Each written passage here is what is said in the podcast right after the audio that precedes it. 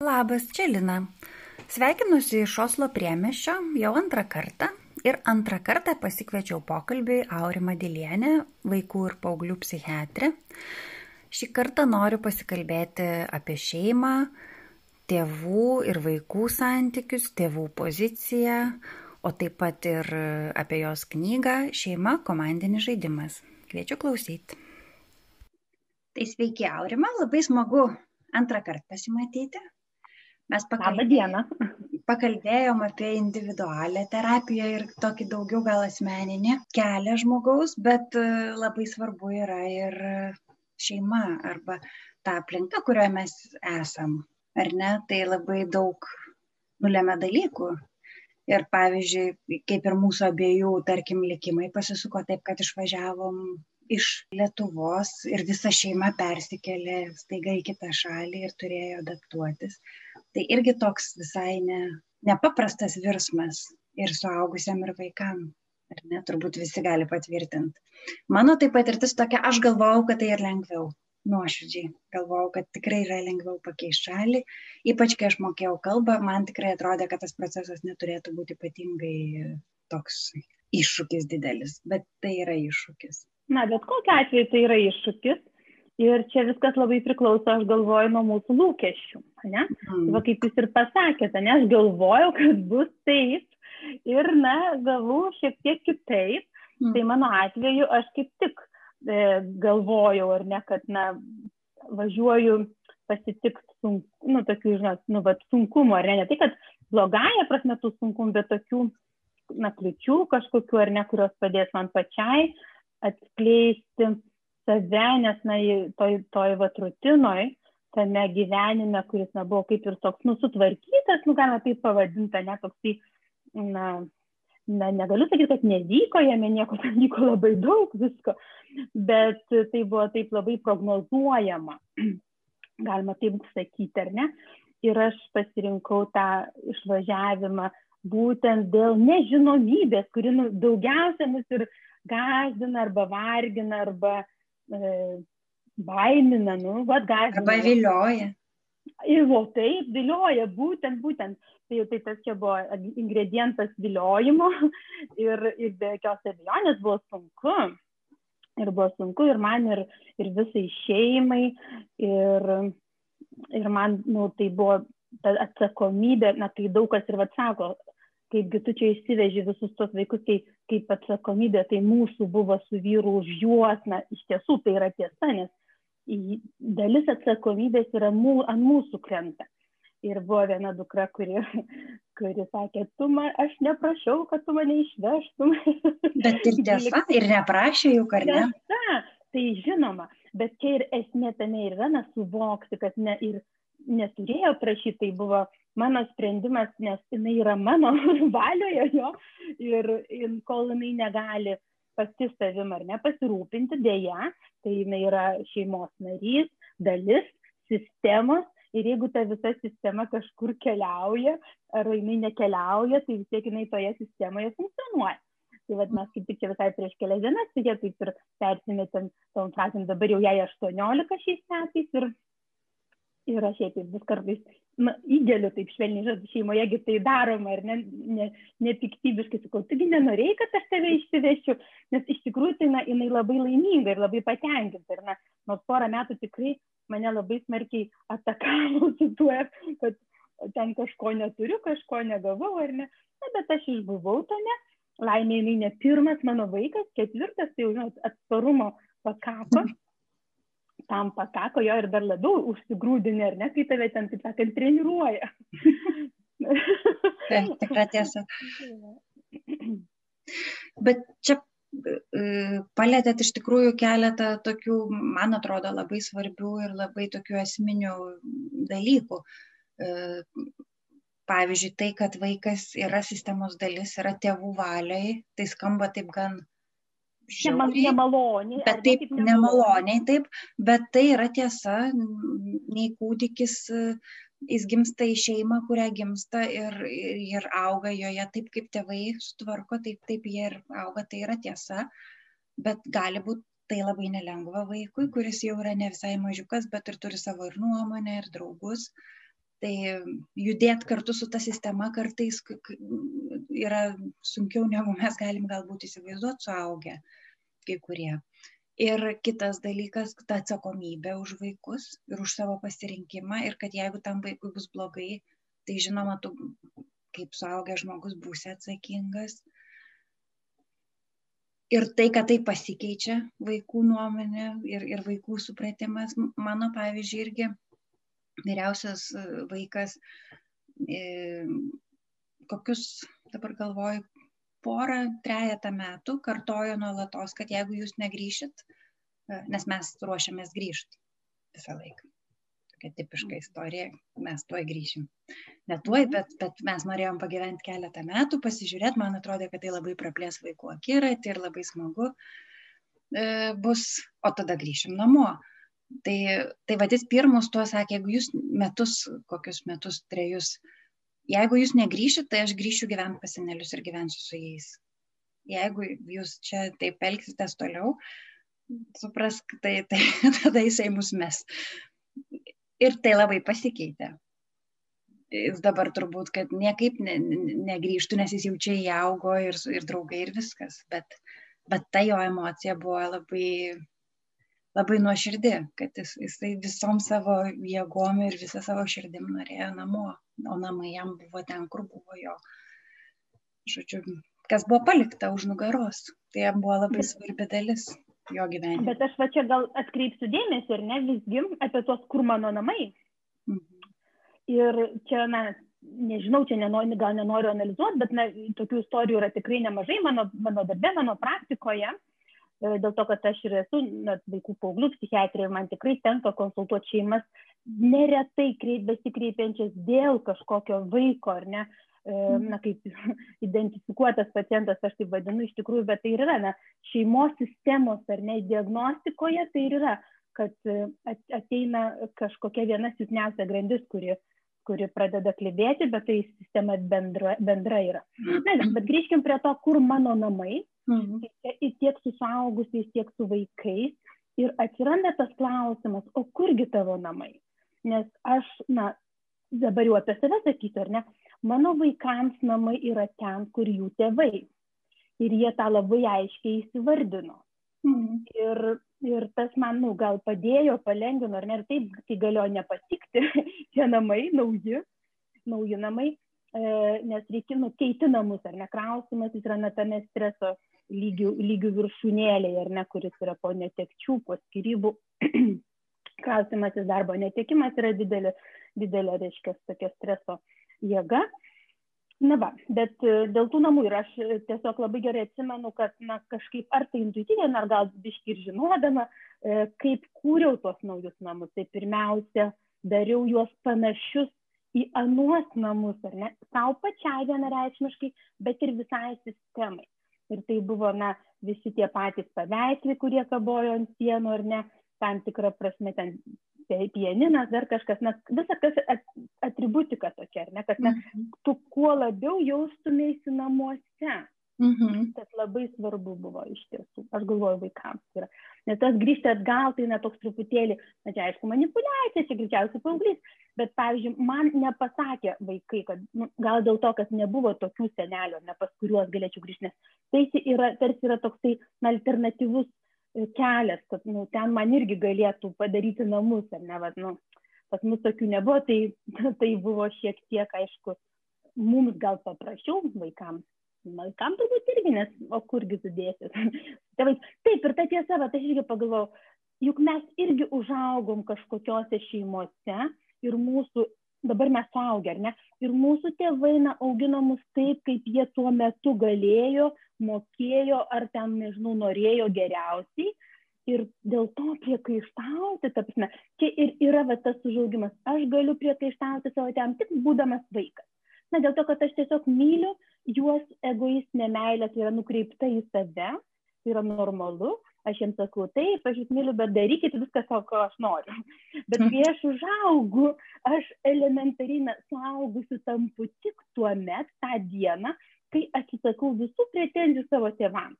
Ir tik lieka na dėkingumo ir pagarbos jausmas, kad ačiū jums du žmonės, kurie susi, susitikot ir padovanojot man gyvybę, viskas. Visą kitą, ko jūs man nedavėt, nu tai dabar aš galiu pati susirasti, ne jeigu man dar to reikia. O jeigu nereikia, tai ir nereikia. Mm. Tai aš ir vaikams tai paaiškinu iš tikrųjų, taip, nu vis taip švelniai suprantama kalba, ar ne, kad, kad na, kai jūs užauksit, tai tiesiog jums liks ta dovana, ar ne, už gyvybę. Ir, na, mano dar vyriausia dukra, na, žinai, dar nelaikau jos visiškai pilnai subrendu, subrendus ir atsiskyrusi, nes neturi savo šeimos, bet iš kitos pusės net nesvarbu, ar turės ar neturės, galbūt jinai tiesiog taip ir gyvens, bet tas vat, subrendimas yra, kai kai nebeturės pretenzijų, kad nu, tu man ar mama ar tėti kažko nedadavai, arba man reikėtų gal kitokios mamos. Vat, vat čia yra svarbu, na ir jinai, ką jinai man pasakė, yra, kad, nu, mama, vat, ką jūs mums davėt, geriausia tai buvo kelionė. Nu, tokia tarsi, vat, man toks ir tai kažkoks toks tam tikras patvirtinimas, kad na, ne, ne daiktų ieškojimas yra, ar ne tas geriausias, kai žmogus na, vis auga ir bręsta, jis pradeda suvokti vertę dalykų, kurie ne, nu, nėra apibrėžiami materialiais tokiais. Na, kelionė irgi materiali, bet iš esmės yra vis įspūdžiai, ar ne, ir atsiminimai. Įspūdžiai ir laikas kartu, atsiminimai ir laikas, laikas kartu. kartu. Taip, taip, buvimas kartu, ar ne kažkoks bendradarbiavimas ir be jokios abejonės įspūdžiai. Ir tas na, noras irgi pažinti pasaulį, aš galvoju, ta, tas išugdytas noras, na, eiti kažkur tai, kur nebuvai, tai ir, ir nesvarbu, ar tai šalis, bet tai gali būti ir kažkoks tai, na, veikla, nežinau, dar kažkas, santykiai. Santykiai, teisingai.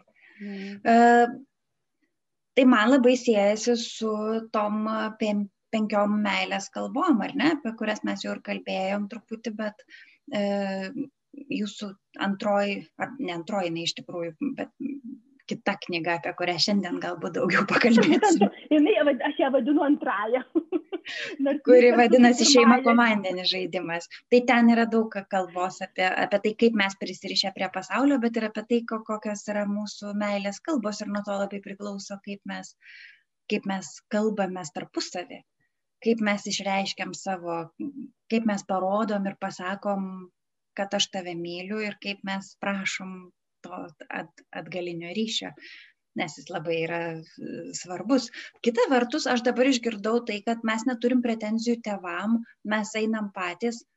Tai toks lik ir labai brandus ir labai savarankiškas, e, bet man atrodo, nelabai dažnai mes galbūt tai girdim, nes labai dažnai suaugę žmonės e, įvertina savo vaikystę, įvertina savo patirtis ir labai dažnai randa būtent tėvų nuodėmių, tėvų kažkokių klaidų. Ir kaip sako, kad beveik nėra tėvų, kurių vaikams nereikalinga būtų psichologo kušetė. Tai iš vienos pusės. Visi mano klientai, atsiprašau, kad pertraukiu, absoliučiai visi iki vieno ateina būtent su ta našta tokia, ar ne, kad va man ten kažką tai kažkoks toks buvo ten tėtis toks mama tokia nu vat kažkas ne nu gal ten jie neblogi aišku geri bet vat nu bent viena pretenzija. Bet esmė ir kokia kad aš atsinešu juk aš nebegyvenu su tais tėvais. Tai kai aš gyvenu vaikas tai tvarkoj tai ten man ištisai ten sako vat nėra lašišos šaldytuve. Sakau nu tai gal yra kažko kito. Tai čia nu juokais. Bet iš tikrųjų tai iš tikrųjų tai kai vaikas yra tvarkoj, bet kai aš negyvenu su tėvais, o savo širdyje, mintise ar ne emocijose, visa, nu, vis, vis dar turiu laikausi įsikibęs, kad kažkas kažko man nedadavė, tai ką aš darau pirmiausia, aš visas tas pretenzijas duodu ne pagal adresą tam, kuris šalia mane. Ir kas tai vyksta, tai greuna santykius. Toli gražu ne, jis jų nepataiso, jie, ne? nes pretenzijos tai ne pagal adresą dažnai, tik, na, būna tas toksai tas vadinamas nu, provokacinis veiksnys kažkoks, ar ne? Ir tada aš tai, ką kažkam tai turė, turėjau vaikas, ar ne, atiduodu čia. Mm. Ir mes nesupratome, kas čia vyksta, ne? Bet jeigu aš atsisakyčiau šito, bet subręsiu tik tada ir mano ilgalaikiai santykiai, na, pagerėja ženkliai arba tam pageri mano, mano santykiai vystosi, turi tendenciją vystytis tik tada, kai aš galiausiai, na, tiesiog, tiesiog išeinu iš ten ir sakau, viskas, dabar aš pasirūpinsiu savim taip, kaip mokėsiu, o ko nemokėsiu, išmoksiu. Ir viskas. Ir tada aš galiu aukti su šalia kažkuo esančiu, ar tai būtų mano sutoksinis, ar tai būtų mano vaikai, ar ne, bendradarbina, nesvarbu. E, ir galvoju, kad daugeliui gal ir pakaktų tokio paaiškinimo, bet o jeigu yra kažkokios traumos, rimtesnės, didesnės, kurias žmogus nešasi, tai turbūt jau jam nepakaks pasakyti, o dabar jau eik kaip yra, jeigu jau tik, kad neturi kojos, rankos. Tai tada sunkiau gal šiek tiek eiti priekį, ar ne? Tada reikia vis tiek tas traumas turbūt išsigydyti, išsidėlioti, susidėlioti. Nu, tai turbūt, žiūrėkit, mes ten ir dirbame, ne, nu, kaip profesionalai, kurie ta, iš šalies neduoda ranką ir sakom, e, tarkim, mes moteris, mes pabūnam tom mamom, ar ten netgi ir tėčiais kartais, kad, na, priėmimas tas duodi žmogui tą terapinį ryšį, kad, nagi, tu visgi esi visiškai pakankamas savyje. E, jeigu ten kažko negavai, nu, tai gal kaip nors ir kažką kitą turi. Galiausiai, jeigu, jeigu tau ten trūko ar ne to, va, emocinio tokio ryšio, na, E, tai, tai dabar galima tai mokytis daryti, atpažinti. Nu, taps, tu gali dabar viską padaryti su savimi iš naujo. Tu tiesiog gali.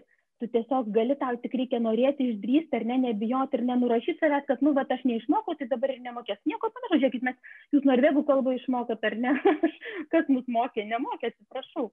Tai va, tai mes kaip patys išmokom šitą ir visokių kitų dalykų. Bet čia aišku, kad reikia to išorinio tokio na, autoriteto, sakyčiau, ne? Nes autoritetas tai kas yra?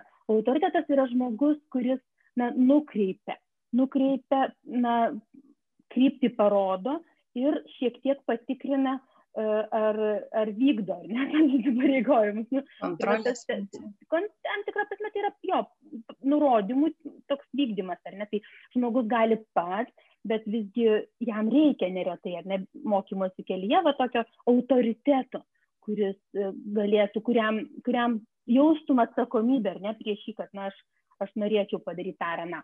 Nu, va, tai, tai esmė tame, kad ar sunku, aišku, kad nelengva e, savo pasakyti va taip paprastai. Bet aš susidūriau su tokiais atvejais labai labai smagiais, kad na, žmogus tikrai taip staiga, va, sako, aš nežinau, kad taip galima. Ir, tada, ir, ir labai lengvai na, priėmė, tiesiog pakeitė savo sprendimą nes sprendimas buvo toks, kad, nu ne, čia mane vat, kažkaip netaip augino, tai va dėl to man taip nesiseka ir ten taip, taip toliau, ar net ten traumų buvo gal visai nemažai tokių, nu kaip sakyčiau, tų tokių emocinių. Bet iš kitos pusės žmogus pakankamai sėkmingas, nu atkaklus ir, ir va, toks tikrai pasitikintis pasauliu, galima taip sakyti, nors atrodo, bet kad galima buvo nepasitikėti. Ir staiga jis sako, nu taip, tikrai, teisingai sakot, o dabar irgi su jaunavais negyvenu, kodėl aš dar kažko iš jų noriu iš viso, ar ne? Ir, ir tada su savim susitari, kad, na, tikrai, nu, aš dabar gavau iš jų gyvybę, tai ko man dar daugiau reikia, aš viską dabar galiu pasirinkti. Bet čia yra samoningumas ir čia yra mano galvoje viskas, ar ne? Mhm. Ir aš turiu kitas būsenas ir vaiko, ir suaugusio, ir tėvo, ar ne savo galvoje tai reiškia kad aš na žaidžiu nu kaip žaidžiu vaikštau iš vieno aukšto į kitą ir tam tikrose situacijose įvairiai reaguoju įvairiai bendrauju įvairiai na jeigu aš atpažinsiu e, ten kur man sunku jeigu aš atpažinsiu iš kokios aš būsenos reaguoju tai kitą kartą aš galiu reaguoti iš kitokios būsenos nes čia yra sąmoningumas. Aišku aš čia taip lengvai šneku bet bet bet nu bet nereikia labai sureikšminti ir apsunkinti aš manyčiau kad įmanoma įmanoma, nugi žmonės e, eina į terapiją ir, ir, ir susidėlioja savo tos santykius. Ir kaip aš labai irgi tikiu tą, to, tokiu, tą frazę, kad niekada nevėlu turėti laimingą vaikystę, šiek tiek ją susiremontuoti ir, ir, ir savo sąmoningom, jau brandesnėm šiek tiek mintim pa, pamaitinti ir, ir pagerinti. Nes mes visi turėjom tokią vaikystę, kokią turėjom, joje galėjo būti gerų arba blogų dalykų, bet uh, aš irgi tikiu tuo, kad tėvai padarė geriausia, ką jie galėjo. Ir tą, tą pripažinus, man atrodo, jau ir kitus dalykus gali tada pripažinti, kad jie stengiasi tiek, kiek galėjo, taip kaip mokėjo, taip kaip suprato tuo metu.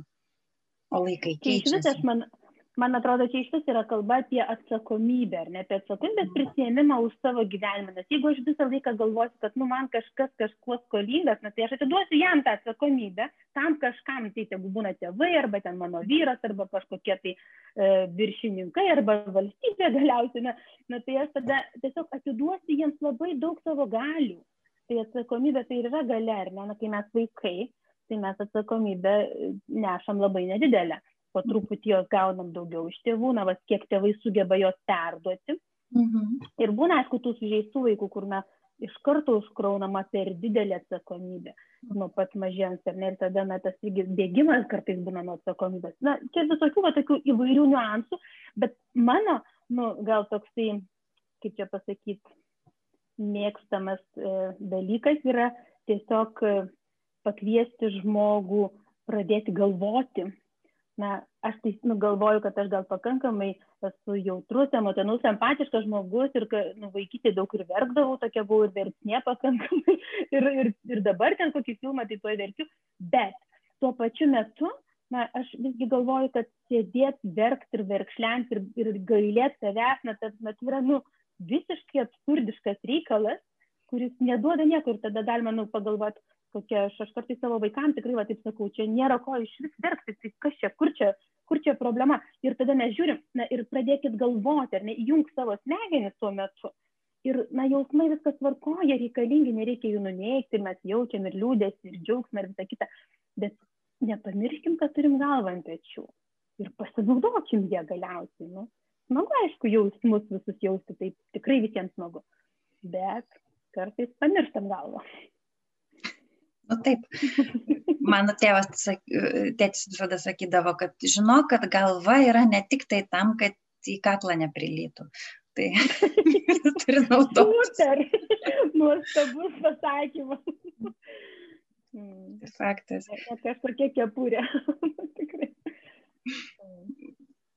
A, kalbant tarp kitko apie jausmus, praeitą kartą mes šiek tiek pakalbėjom, kad yra tos keturios bazinės emocijos, ar ne? Pyktis, liūdėsys, džiaugsmas ir uh, baimė. Sakėt, keturios yra skirtos saugot. Dvi. Dvi saugoti. Ne keturios, dvi. Skirtos apsaugot. Aha, tai galit galbūt truputėlį plačiau, kuriuom nu, mes pasisveikinam. Galiu, trumpai jo, trumpai, nes plačiai tai čia visas seminaras, bet jeigu labai trumpai, tai, na, iš tiesų, nu, labai visi suprantam ir žinom, kad baimė tai yra na bėgti o ne gelbėtis bijoti tai reiškia saugotis kai mano gyvybei gresia pavojus. Pykti tai irgi nėra kad na tiktai kažką užpulti ir užmušti bet iš tiesų tai gintis. Ir jeigu mane užpuola tai aš pirmiausia galiu aišku bėgti bet kartais negaliu pabėgti tai turiu parodyti savo ribas. Tai reiškia aš privalau na užpykti ar ne turiu tą emociją ir dažnai mums taip ir, ir kyla ta emocija jos kyla visiškai ne, nepriklausomai nuo mūsų nuo situacijos nuo kažkokių dirgiklių galbūt nuo mūsų vidinės būsenos bet pyktis yra skirtas nustatyti ribas kad na, manęs ne, nesuvažinėtų ar ne kažkas tai mhm. ir labai neretai jeigu mes nu, išmokomi esame ne bet daug kartų sakau visko galima išmokti tai išmokim pykti ir konstruktyviai pykti, o ne na, tik užmušinėti. Nes bet kokia emocija iš esmės yra energija tai jeigu mes gauname energijos iš emocijos tai galim su ta energija arba ką nors pastatyti arba ką nors sugriauti. Tai gal pasirinkim statyti. Bet čia ir yra visa na ta problema kad kažkaip va kaip ir vaikystėje vat dėl ko mes tą vaikystę vis minim bet nu taip tai yra periodas, kada mes mokomės visokių dalykų. Mhm. Jeigu mane mokė, pavyzdžiui, vat, ir aš dabar pastebiu, ar ne, kartais, kartais ar vis išsprūsta, bet, na, gal daugiau mano vyro, arba, arba jau dabar ir, ir kartais ir mano, bet jau rečiau, rečiau, rečiau, vis, pavyzdžiui, sakyt, vaikai, nedaryk kažko. Tai tu pasakyk, o ką jam daryti? Nes jeigu jis nedarys kažko, tai jis nežinos, nu, ką tada jisai sustinks kažkur ten skraidys toje erdvėje, ne kosmosas. Bet tas pats yra su emocijom, ar ne, jeigu tu nejausk, ar ne, pavyzdžiui, nepyk, na arba nepyk tai čia iš viso toks žinot nu maždaug anesteziją uždėkim ir ir nejauskim nieko nes jeigu aš nepyksiu tai tada aš ir džiaugsmo nejausiu ir taip toliau. Bet esmė tas kad nu mes sakom nepyk tai reiškias nedaryk kažko pykdamas tai tada išmokinkim vaikus daryti kažką pykstant ar ne kažkokius tai atsitupimus ten atsispaudimus nežinau kažkokį kūną treniruot ar ar ten kokias grindis išsiplaut. Nu aš tai dažniausiai labai mėgstu švarą tai mano vaikai labai tvarko namus. Jeigu tokių yra reikalų tai tuoj ir žino kad jau mama tuoj sakys aha kambarys ten plaut ar grindis nu kažkur tai žodžiu. Tai čia na įvairių tokių būdų yra ką ką galima pastatyt o ne sugriaut nu tai grįžkim prie tų e, šitos dvi ar ne tokios apsaugojimui ir jas tikrai na, leiskim savo jausti o kitos dvi tai yra tiesiog pasisveikinti ir atsisveikinti. Aš taip na čia pasakoju labai su suprimityvintai nes tam kad mes suprastumėm kad nu tos emocijos iš, iš esmės turi paskirtį ir paskirtis ir yra atlikti kažką mums reikalingo gyvenime. Tai labai aišku yra, na, tarkim, jeigu džiaugsmas ar ne, nu, tai mes turim tokią stereotipą, kad tik džiaugsmas yra gera emocija, ten visos kitos yra blogai. Nu, čia nesąmonė dėl to, kad kaip gali būti blogai, kai tave kažkas nori apsaugoti, ar net tavo emocija nori apsaugoti. Tai yra gerai galiausiai, gerai, blogai. Mhm.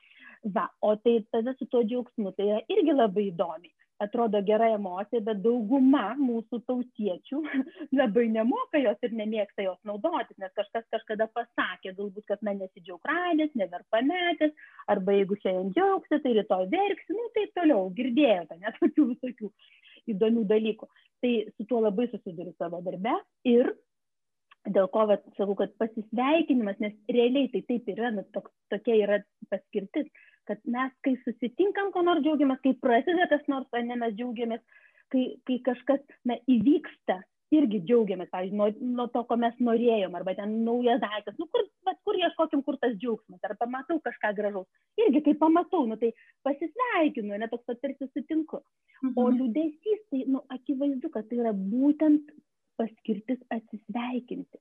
Ir irgi, jeigu mes užslopinam, pavyzdžiui, nu tokiais pasakymais, kad neliūdėti, neverk, nu okei neverk bet o kaip man atsisveikinti tada? Tai tu man pasakyk ką aš turiu padaryti kad e, kažkokiu kitą nu jeigu galima atsisveikinimo ar ne būdą. Tai pavyzdžiui aš kartais filmuose atkreipiu dėmesį žmonės tas vat atsisveikinimo ar ne tarsi tas nu ritualus vat daugiau gal afrikietiškų tautų tautų žmonės mes dainuodami ar ne arba šokdami. Bet tai yra irgi matosi kad ten liūdesys ten liūdesį iš, išbūna žmonės tame, ar ne?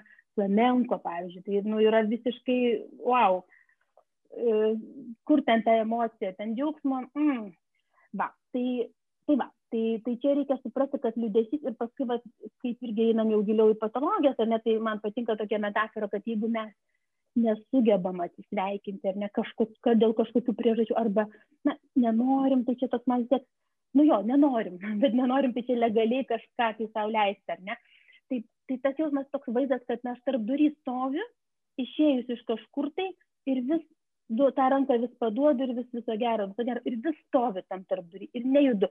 Mano gyvenimas negali vykti, aš neišeinu iš liūdėsio, aš ten stoviu tame atsisveikinime visą laiką, ar ne? Čia tokia kaip metafora, kuri kartais padeda žmogui suprasti, o kasgi su manim vyksta, kada aš depresija, ar ne? Tai tu tiesiog stovi tarp durys, tai eik iš ten, prisiversk ir išeik tiesiog.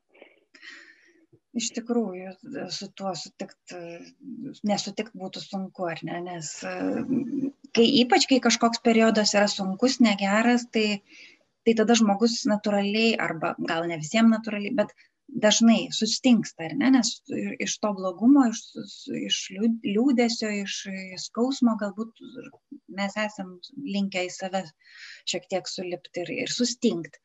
O vienintelis būdas išjudėti, iš pakeisti tą situaciją ir išeiti. Tai kuo greičiau tu eini, tuo greičiau tu perbrendi tą, kas tau nepatinka ir tuo greičiau tu atsiduri tam kitam krante. Bet tai labai yra sunku galbūt kartais prisiversti judėti, nes tuo metu gal skauda ir, ir, ir bloga padaryti tą judesi. Mhm. E, bet atsiprašau, dar, va, tas sustingimas, ar ne, va, kažkaip man užkliūna, nežinau, gal ne apie tai turėjot galvoje, bet yra toksai gamtos fenomenas, ar ne, va, na, ir žmonės kartais, mes žmonės kartais naudojam nesąmoningai šitą dalyką. Bet turbūt žinot, kad e, apsimesti mirusi, nu, sus, iš tikrųjų tai sustingti. Tai yra tam tikrų būdas išlikti, išlikti gyviems, nes tada na, yra tokių rūšių, kurios, reiškia, užpuolikai, e, tie plėšūnai, jie neėda, ar ne, tos grėsmės. Bet žmogui, žmogui to naudoti visgi nerei, netiktų. Bet mes nu, turim kitas e, smegenis tarpinės, ar ne, kurios turim, mes turim visą tą evoliucijos eigą savo, savo galvoje ir, ir naudojamės, ar ne, bet jeigu pasinaudot truputį daugiau tą galvą, jau tą labiau, labiau žievę, tai suprastum, kad nėra reikalo sustingti, nes tas nepadės. Ir mūsų rušis visgi sustingusio žmogaus atpažįsta, na, toliau puola, ar ne, toliau gali, na, gali pakengti mano gyvenimui bet čia toksai pastebėjimas yra tas toksai paralyžius tarsi, bet čia daugiau baimės reikalas. O liūdėsys, tas jo likimas tarp durį, kada aš na, liūdžiu, liūdžiu, liūdžiu, vis niekaip negaliu išeiti iš to liūdėsio, tai čia yra sprendimo klausimas, kad aš vis tik taip man labai sunku.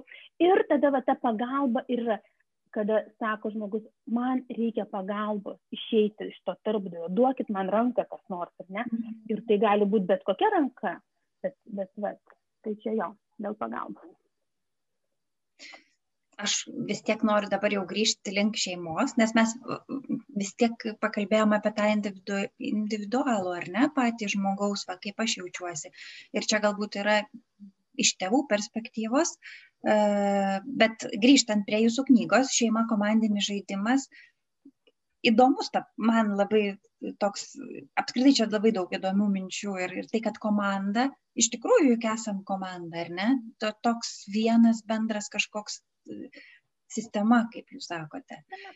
Mhm, kad, bet man, pavyzdžiui, komanda, jinai asocijuojasi su tuo, kad, pavyzdžiui, yra tokia e, šeimos terapeutė Norvegė Anabel Stefansen. Tai jinai, pavyzdžiui, sako, kad mes tėvai esam lyderiai, mes vadovaujam, taip sakant, paradui ir einam į priekį, vaikai, taip sakant, jau yra aplinkui. Tai, o komandoje, man atrodo, gali būti visi lygiaverčiai, nors gali, aišku, būti ir komandos lyderis. Tai tų komandų yra labai skirtingų pagal savo prigimtį, galbūt gamtoj. Bet tai vad kokia komanda yra šeima? Ten visi lygus, yra, taip sakant, hierarchija griežta arba negriežta, kai, kai kas yra komanda šeimos. Na, tai, va, tai aš tai savo knygoje iš tikrųjų daug labai dalykų ir parašiau, ar ne apie tai, kad visgi sistema yra vienas dalykas, joje galiojantis dėsniai, socialinis dėsnis, kas varkoja, o pats nepavadinimas, tai toks, jis iš tikrųjų atspindi komandinis žaidimas. Tai žiūrėkit, e, čia yra metafora, bet metafora kodėl tokia? Nes komanda juk ir visada turi trenerių. Teisingai. Ir, ir, jie, ir skaitosi komanda, tai nėra kažkas už ribos. Mes, na, vat, kaip mes suprasim, ar ne, kaip mes matysim plačiau ar ne plačiau.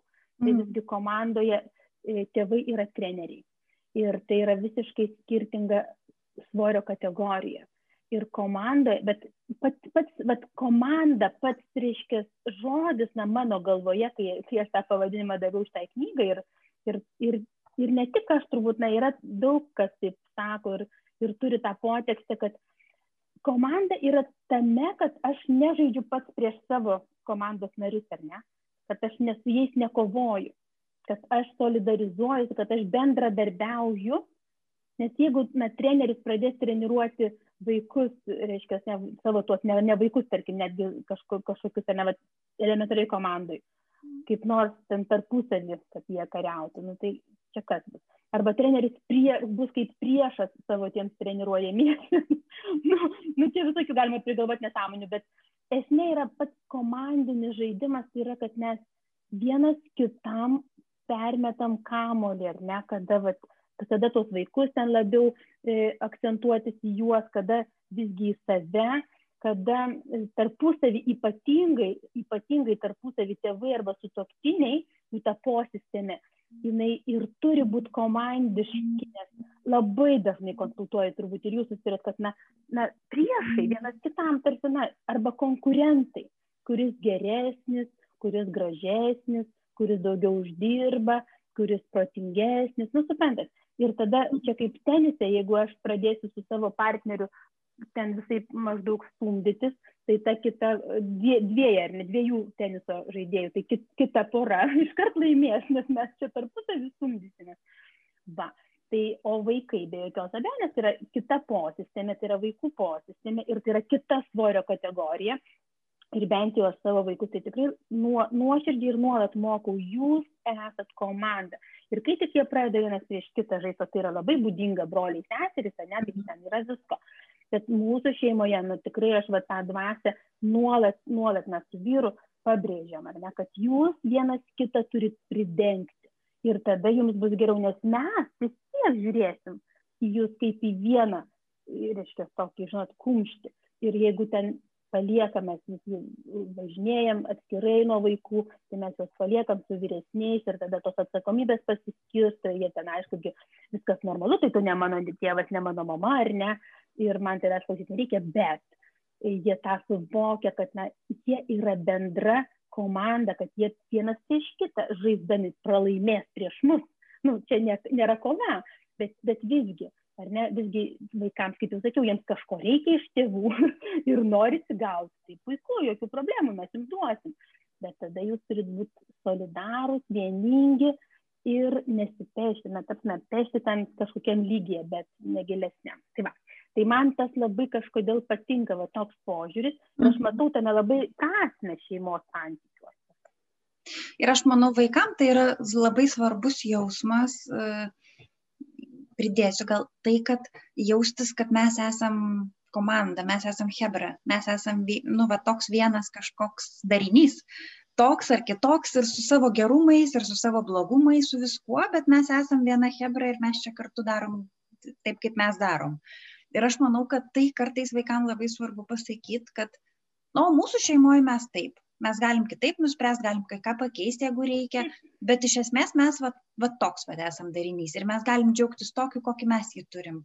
Nes kiti turi galbūt kitokį, bet, bet mes esam ir, ir vaikui reikia tą priklausimo jausmą, va, kaip mes ir kalbėjom, kur yra namai, bet kur yra mano hebra, kur yra mano žmonės, kas yra mano, kas yra mano, taip sakant, at, nu apskritai toks į ką aš galiu atsiremt gyvenime tai yra tie žmonės su kuriais kurie va tokį labai artimą ryšį ir šeima yra pats pirmas mūsų labai artimas ryšys.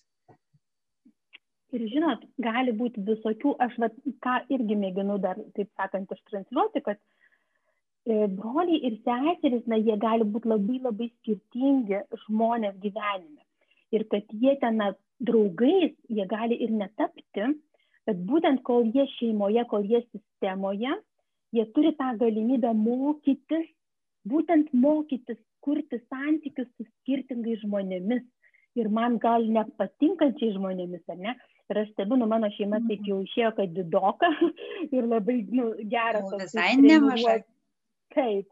Ir tai, nu, tokias treniruotis, ar negali, ant, kaip sakant, ant, ant visko. Nu, kaip ne ant visko, bet jau daugiau galimybių, ar ne, tokių pažintinių ir ką aš matau pavyzdžiui matau va tuos tokius santykius na yra vyresni vaikai gerokai vyresni ar ne pavyzdžiui ta vyriausia dukra kiek kaip jinai bendrauja ten su tom mažesnėm na vat ir mes keliaujam nemažai ir va paskutinį kartą tai keliavom taip įdomiai su trim mažaisiais ir ta vyriausia kartu važiavo ir ką jinai pasirinko ir aš nes nu irgi ten miegojimai skirstėmės ar ne ir jinai su mažiausiu na miegodavo ir su ja bendravo daug. Na bet labai įdomu iš tikrųjų man tai tokie nu atradimai nerealūs ir ir o jiems aš irgi tą matau kad na yra įdomu vis tiek atrasti tame būryje e, sau kažkokį artimesnį ar ne arba netgi netgi vat aš matau ir tą tą tokį konkurencijos, tegu tai būna konkurencijos arba labai, labai dažnai sėkimo, nes visgi tau, nu, vyresnis yra kažkoks autoritetas, tu paskui jį eini.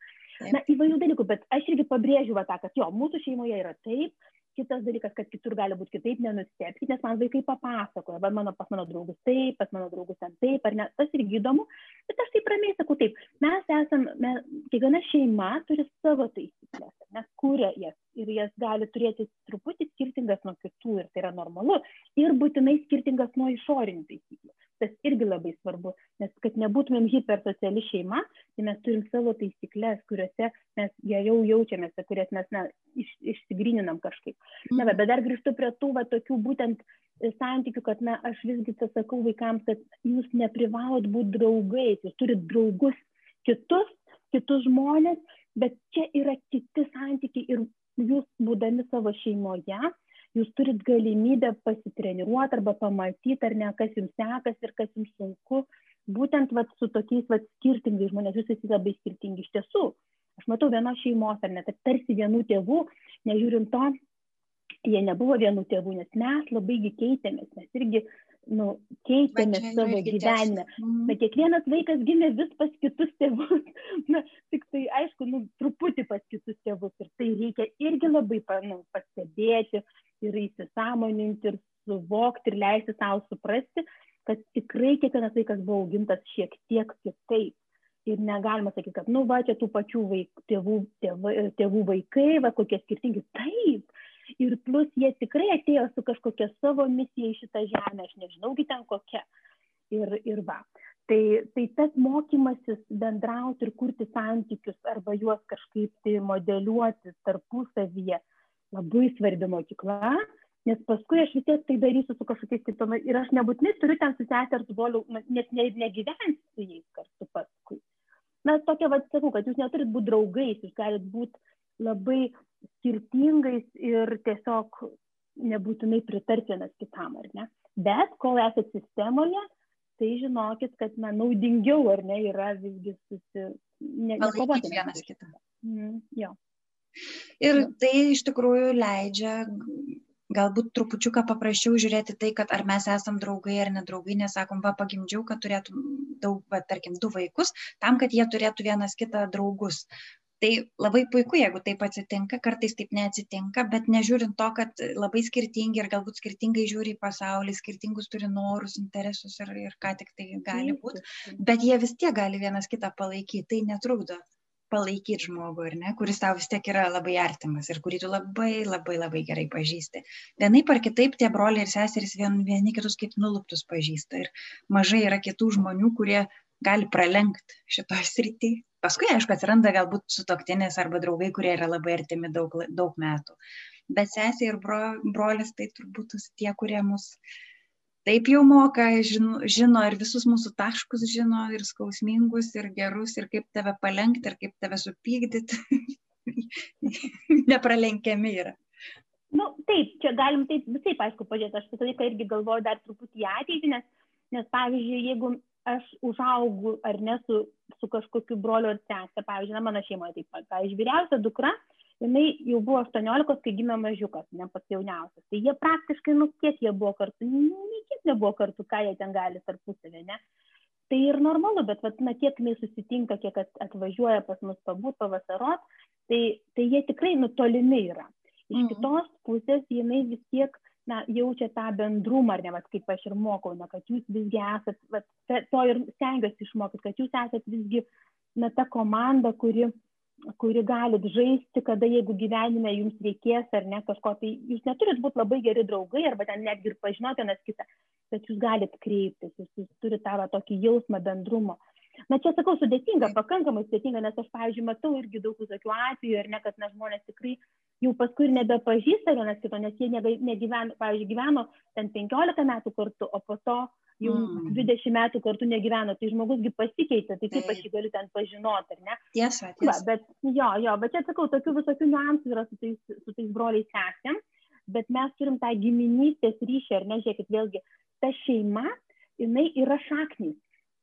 Ir mes tas šaknis ir turim, kad galėtumėm kažkaip tai reikalui esant, jeigu ten tos kaip medis, ar ne, jeigu saulės nėra, nedaug nėra, tai su šaknim tada išliekam įsikibę.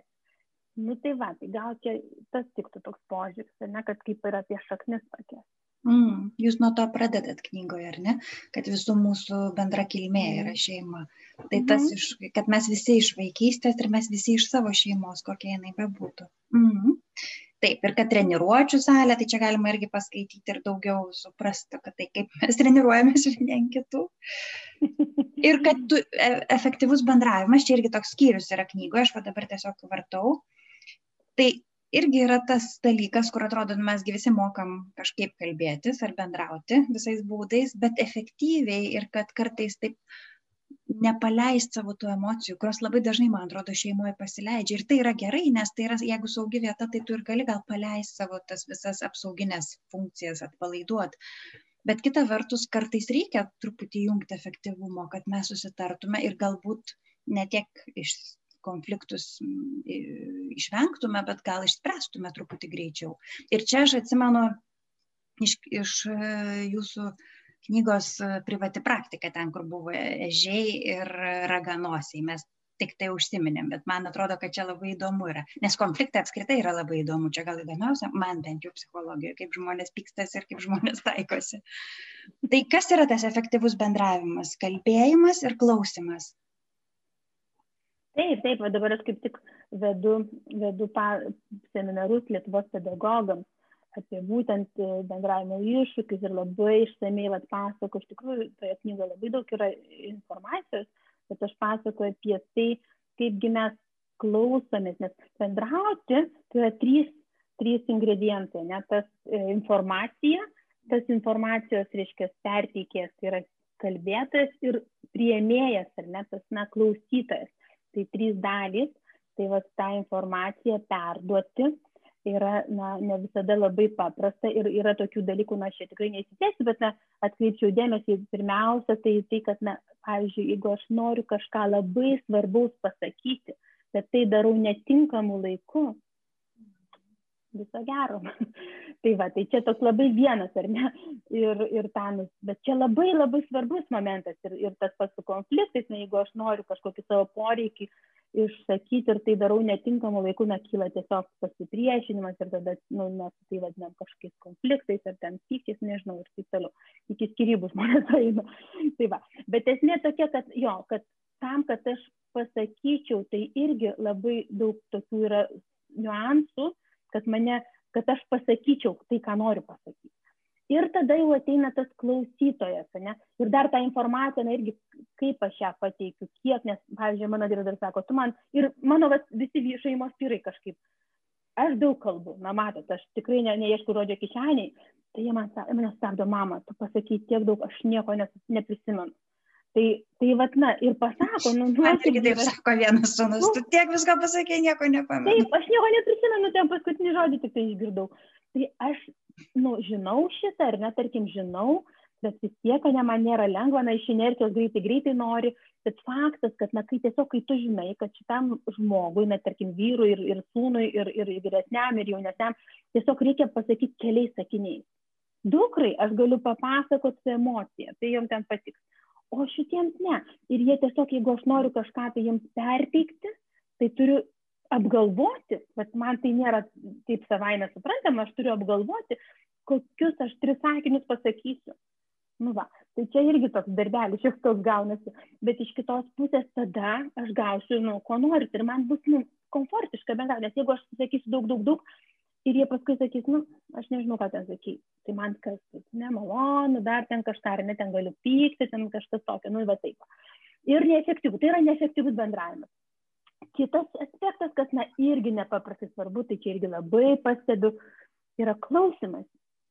Ir kai, kai, kai tas, kuris sako, o tas, kuris klauso, pažiūrėjau, tai čia įprasta praktika, telefoną žiūri ar ne, arba ten kažką kompiuterį, nu tai klausyk nu, tai čia jau viskas iš karto užmuša ir bet kokius santykius, ne tik tai, kad bendravimą.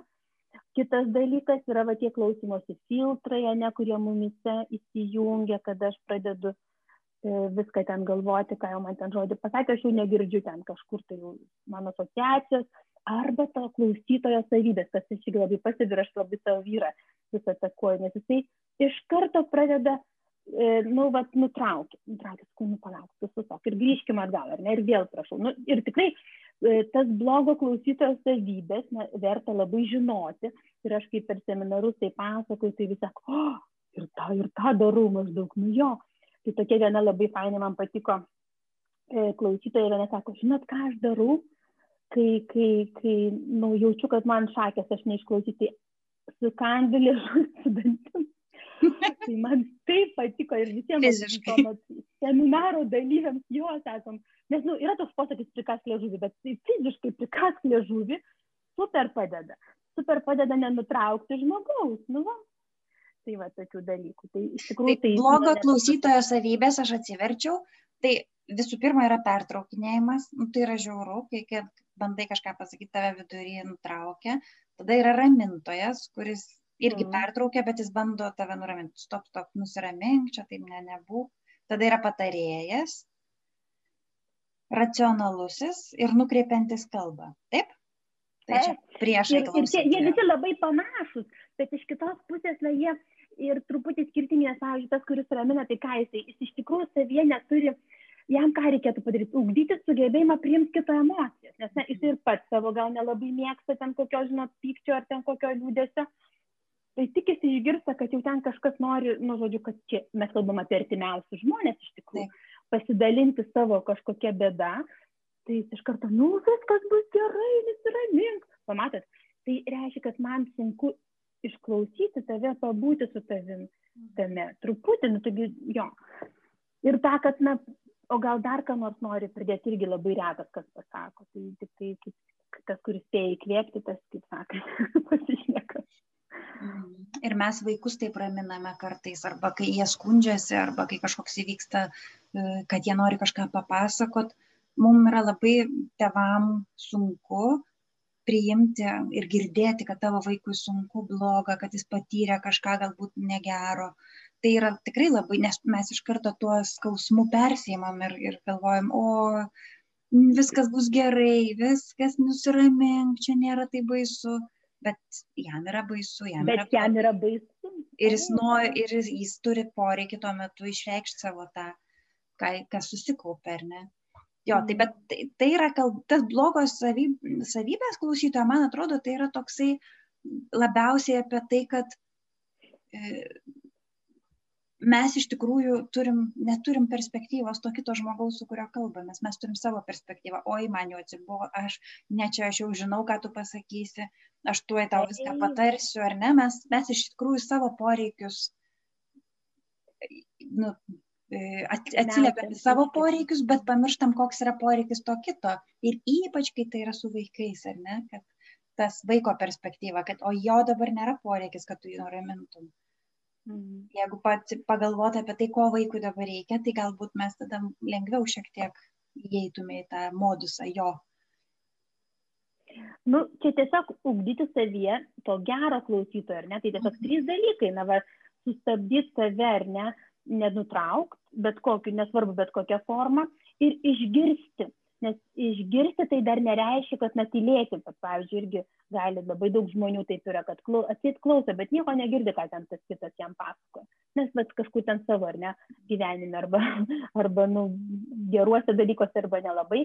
Bet išgirsti tai reiškia, kad klausyti atidžiai ir paklausti, ar tu norėjai tą pasakyti. Nes aš irgi, pavyzdžiui, pastebiu su savo vaikais, mes kartais na, daug mūsų, kai yra tai prie stalo, kai valgom, tai visi kartu kalbam ir tai būna visko, ir tada ten kokie nors, bet, nu, paauglių dabar turim tai jautrumas, tas toks, na, visgi didesnis, tai ten sakys, tai ašgi ne tą norėjau pasakyti, taip, taip ir buvo, tu ne tą norėjai pasakyti, arba, arba aš, dažniausiai ten manęs varo, bet aš tai vis dėlto labai ramiai reaguoju, nes, na, aš irgi nespėju pasakyti visko, ko nori, ir dukas sako, tai tu vėl ten kažką sakau, taip, bet tu nepaklausai, ką aš norėjau tuo pasakyti, ar ne, tai va irgi moku tuo, bet šeima ir yra ta treniruočių salė, kad tu gali nes kažkur tenai gal ir negalėsi paklausti. Gal nespėsi, ar bijosi, ar neleis tam, ar ne. O čia tu gali paklausti, o ne, nenutiks nieko. Netapsi ne dukra, netapsi ne, ne, netapsi ne mama, ar ne ten, nes vat, kaip irgi pabrėžiu tais tėvais, kad jeigu, nu, tėvai kodėl net nedraugai, ar ne, arba brolės nedraugai, nes visgi draugai yra labai faina ir labai svarbu mūsų gyvenime, draugystė, bet aš susipykęs su draugu, nes būna tokių situacijų, arba tiesiog išaugu iš tos draugystės, nepereinu į kažkokį kitą etapą savo gyvenime ir išsiskiria interesai labai stipriai ir nebelieka to draugo. O su tėvais ir su seserim broliais tu, tu gali susipykti, tu gali išaukti ar ne, bet tu vis tiek ne, nepasikeis tas socialinis statusas, liks. Todėl neretai vat yra taip kad mes paaugliai ypač paauglės mergaitės su mamom na, nori būti draugėmis ar ne tai va tą reikėtų turbūt suprasti kad tai nėra draug, tai yra draugiški, draugiški santykiai. Taip. tai nėra draugė ar net tai yra mama vis tiek. Ir be jokios yra hierarchija su hierarchija labai svarbu skaitytis nes tai yra mus palengvinantis bendravimą na šitie dėsniai nes be hierarchijos net aš pakliuvau reiškia, į savo tokį, čia jau ne apie žmonės, apie šunis, ten tokį šuniuką buvom paėmę Vilniuje, kai gyvenam iš prieglaudos ir aš jį dar turėjau ma mažą vaiką, šeštą savo vat, vaiką dar turėjau visai kūdikį. Na ir iš tiesų aš nesupratau, na, nesupratau, tiesiog net, ne, ne, nesistengiau suprasti, kad, na, su gyvūnu turi parodyti hierarchiją ir aš su juo elgiausi kaip su vaikais, ar ne. Ir man veterinaras sako, bet tai jūs, ponė, E, neteisingai su šunimi elgėtės, nes kandžioju visus, visus kandžioju skirus mane, bet, bet tai neturi tai būti, ar ne, ir tai buvo mano klaida bendravime su šuniuku. Tai mes dažnai šeimose neišlaikome net tos hierarchijos ir kai padarom, tarkim, na, vaiką ant dėdės stalo, ar ne, pats, pats reiškia, po, po laiptais, tai paskui gaunasi nelabai geri dalykai. Ne tik tais e, tėvams tada sunku, bet ir vaikui labai blogai, nes jisai turi turėti uh, E, aš irgi labai sutinku su tuo, kad kai sako mama mano geriausia draugė arba mes su dukra geriausios draugės, draugės ta prasme, kad ne priešai, draugas, kad aš esu tavo pusėje, aš esu su tavim, aš esu dėl tavęs ir su tavim taip, bet jinai tu, ar ta dukra, ar kitas vaikas turi turėti savo draugų ir tai yra labai svarbi dalis turėti draugų. Ir ne tėvai turi tą vietą užpildyti iš tikrųjų. Ir kitas dalykas, kad nu, mums labai visiems reikia atsiremti kažką didesnį, protingesnį, geresnį už mus. Ir tai dažniausiai yra tėtis arba mama. Tai mes negalim iš jų atimti to ramščio, kad aš pabūsiu tau mama ir aš būsiu tavo mama visada, kai didelis to ar mažas, bet aš prisimsiu tą funkciją, nes mes tada galim ir sugerti jos skausmą, ir paguost, ir priimti jį su visom jo klaidom, ir, ir, ir visokiais paklydimais. Tai čia yra tėvų funkcija, o ne pabūti draugė, ta prasme, kad mes kartu linksminamės ar, ar ten šnekam apie viską. Pasakysiu dar truputį moksliškiau, ar ne? Tai nu, iš dėsnių pusės, tai va, ir knygoje yra, tai e, kas tai yra tie hierarchiniai santykiai, tai yra, kad vyresni lygus ar net tarpusavyje ir jaunesni. Tai tėvai visada yra iš vyresnio pozicijos, tai reiškia, kad na, davimas. Ir davimas į apačią, nes vanduo į kalną neteka. Mhm. Jeigu tėvai pradeda, ar ne, at, kodėl ne, negali būti lygus, va čia yra draugai, čia yra draugai, ar ne? Taip. Tai yra apsikeitimas, tai aš, aš keičiuosi, ar ne, informaciją, energiją, emocijomis, ar ne. Čia aš duodu, O kai aš vaikas ar ne, aš imu iš vyresnio. Tai čia ir yra skirtumas būtent tame. Ir aš labai matau čia nu, labai stiprius dalykus, todėl kad jeigu tėvai nusileidžia žemiau ar ne ir pradeda iš vaiko imti, na, atsiranda didžiulė, didžiulis diskomfortas. Arba vaikai, dažniausiai paauglystėje tai įvyksta. Reiškia, vaikas, jisai, na, bręsta, ten mokosi, ten per technologijos kažkas kalbos ir jisai, staiga, nu, pasijaučia ypač suaugę vaikai prie aukščiau tėvų, ar ne? Tai tėvų automatinė reakcija, nesąmoninga reakcija yra pažeminti vaiką, net žodis toks, tai pažeminti, ne? Iš tikrųjų tai atstatyti, atstatyti tą pačią hierarchiją, atstatyti tik tai. Ir tada mes girdim iš tėvų, na, kažkokius žodžius, ten kritikos, kažką, nes, na, jie nu, visiškai nesąmoningai bando atsidurti savo vietoje. Pasilipėti truputėlį aukštyn. Taip, ir, ir jie daro tai kartais nu, tokiais būdais, ne dėl to, kad jeigu jie norėtų, tai gal ir negali jau tokiam amžiai kažko išmokti, kad atsidurtų vėl aukščiau, ar ne? Bet tai tada daroma žodžiais, kažkokiais veiksmais, kažkokiais, bet tas žodis pažeminti, tai reiškia atstatyti hierarchiją, nuleisti žemyn. Mhm. Ir čia paauglystėje svarbu, bet, na, kada, kada paauglys ar ne prieš tėtį savo, reiškia, pradeda, tai ką tėtis galėtų padaryti, tai aišku, žemina, bet iš tikrųjų tai turėtų paaukti kad vėl atsidurtų, ne, tai reiškia, nu, kažko išmokti, kažką parodyti, bet ne, ne, ne jėgos autoritetą. Bet čia vat, labai svarbus dalykai, iš tiesų, vat, hierarchinėse santykiuose šeimose. Ir mes dėl to tos santykius nu, turim tokius, kokius turim nelabai. Bet jeigu žinotumėm, bet čia kaip ir pradėjom nuo tų tėvų, ar ne, kad man ačiū už gyvybę, nes tu man ją davėjai ir viskas. Ir dabar aš jau suaugęs. Bet iš esmės va kaip sakot atrama ar ne? Tai reiškia kad aš esu dar vis tiek tavo vaikas neturiu tau vadovauti tavo gyvenimui atsakyti neturiu už tave. Ir vaikai niekada neužpildys savo tėvams jų tuštumų. Niekada niekada ir nieko nes tai yra nu neįmanoma. Jie negali ir jeigu kartais tėvai netyčia pradeda sakyti taip jeigu tu ten tą tai tą tai aš būsiu laimingas yra absoliuti netiesa tai yra tik iliuzija tai yra išgalvotas dalykas ir tą reikėtų irgi žinoti. Ir jeigu žinotumėm, būtų daug paprastesni santykiai, vienas iš kito ne, nepraštumėm tų dalykų, nes tik tarpusavėje, nu, lygus ar ne, keičiasi. Tai yra pasikeitimas yra 60 procentų, 20 ir 20, nedavimas. Ir, ir mes turim pasižiūrėti savo gyvenime, ar mes išlaikom tą pusiausvyrą, ar mes 20 gaunam, 20 atiduodam ir 60 keičiamės. Mhm. Jeigu mes atiduodam 80, tada ateina pas mane ir sako, žinot, aš jau nebenoriu gyventi nes jau to kitų dalykų labai lieka, netgi fiziškai lieka labai labai mažai. Mhm. Mhm. Ir aš vėl matau, kad mes atėjom, taip sakant, jau į mūsų laiko pabaigą.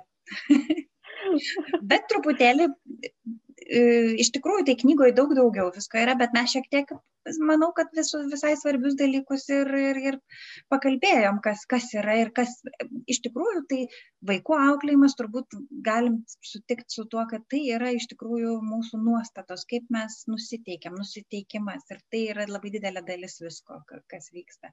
Nes visų taisyklių ir visų mokslų nes, ne, nesužinosim, bet jeigu yra kažkoks teisingas nusiteikimas, tai vis tiek atrandi vienas su kitu, kaip, kaip būti ir kaip padaryti, kad būtų lengviau, o nesunkiau kartu. Iš tiesų, tai man atrodo, kad auginant vaikus at, yra ta, tam tikra galimybė būtent at, susikurti savo irgi e, tą išgyventi ar ne kažkokią tai savo vaikystę kitų būdų, kitų būdų ar ne. Tai aš tai tikrai, pavyzdžiui, na, labai nuoširdžiai prisipažįstu, aš labai daug vaikystėje su lėlėm žaidžiau. Ir dabar tas, man tas jausmas toks, kad aš ir, na, gimdydama tos vaikus, didindama šeimą, vis ir toliau žaidžiau su tom lėlėm, tik dabar jau gyvom.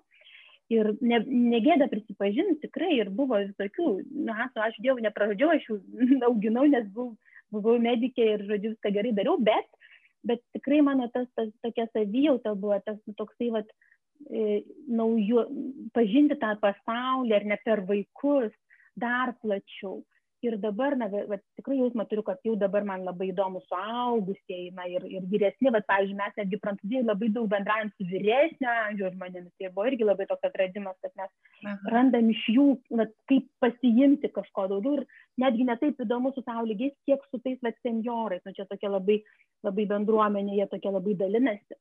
Na, va, tai, tai visą tai mes galim patirti tikrai per vaikus daug dalykų savyje, atskleisti ar ne ir praturtėti, nežinau, čia tai nuostatas klausimas teisingai. Galvojau paskutinį klausimą paklausiu, tai koks yra tas žaidimas, ar tai yra šachmatai, ar tai yra krepšinis, ar tai yra durnių sulošt kortom. Bet suprantu, kad tai yra, gali moteriai būti variantas, kad, kad vis dar žaidži lėlėm, ar ne? Trupučiuką įeiti į tą, į tą gerą jausmą vaikystėje, kai, kai mygdydavom, rengdavom, maitindavom, žodžiu, visą, visą žaidimą. Aš manau, kad man taip buvo labai ilgą laiką tikrai tos lėlės, po to aišku tie stalo žaidimai ir, na, ir aš dabar irgi, aš iš tiesų tai tokia labai vadybininkė ir man patinka organizuoti ir čia viską daryti ir aš iš tikrųjų tokius dalykus, na, vaikams kaip ir gal net ir per daug, pat vyras pastebi, sako, tu per daug už juos ar ne, na, idėjų, ten, nu, jo, gal suplanuoju, nes aš labai mėgstu, man patinka, nu, bet organizacinis toksai, ar ne, žmogus. Jo, tai suorganizuoju viską kaip mat. Bet aš tik tai tiek nu, turiu tokią gerą nuojautą, kad jie vis tiek tą paims. Jie paims, na, žinot, kaip, kaip tas agurkas, nes tas įrašalas, jisai sugers tą gebėjimą organizuotis paskui pačiam. Agurkas įrašalas. stiklainiai agurkai, nu žinot, turi skonį kažkokį, tai kuris ten mirksta, tai tokį skonį ir išeina paskui. Ir taip, ir taip tikrai, nes mano mama tokia buvo, ir aš pat irgi gavau tėtis, mano būdų tėvai tokie, nu, organizaciniai tokie būdų. Ir aš labai gavau, aš sugėriau tą rasalą ir aš turiu tą skonį organizavimo, na ir visokių kitų dalykų, prabangos, kažkiek, na ir visą tai tie vaikai sugers, paskui jau jie ten žiūrės, ką daryti su tuo bet, bet taip, man kartais reikia stabdyti, kad leisti jiems daugiau patiems pasitreniruoti, susiorganizuoti. Net tai turiu vyrą, kuris mane pristato ir labai džiaugiuosi. tai, tai yra, gal tai yra ir teisinga, ar ne, kad vienas truputėlį vienoks, kitas kitoks, vienas galbūt greit bėga į priekį, kitas gal šiek tiek pristabdo kartais, ko irgi reikia. Taip, taip, tai čia ir yra komandinis žaidimas. Čia toks tai yra žaidimas. Vartininkas, kitas bėgiotojas. Kas vartose, kas lekia į priekį, kas gina. Taip, iš tikrųjų. Tai labai smagiai, žodžiu, baigiam labai smagią natą apie tuos agurkėlius mūsų, kurie stiklainį tupi ir prisigeria visko, ko mes ten turim. Labai ačiū, iš tikrųjų labai smagus, labai pozityvus pokalbis ir pralėkia tą valandą be matant. Tai čia galima būtų ilgiau dar kalbėti, nes šeima yra toks begalinis, begalinis klausimas.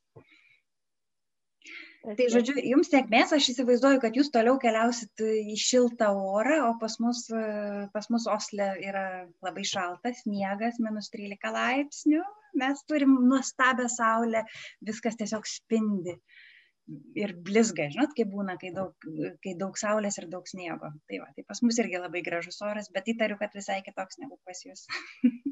jo, pas mus tai dabar lietinga, bet, na, oh. na nieko, jau irgi, jo, dabar lyja bet iš tiesų jau šils, gal šils po truputį, šils nemėgstu šalčio nu, ir norisi šilumos, ačiū, aišku, irgi saulės. Mm.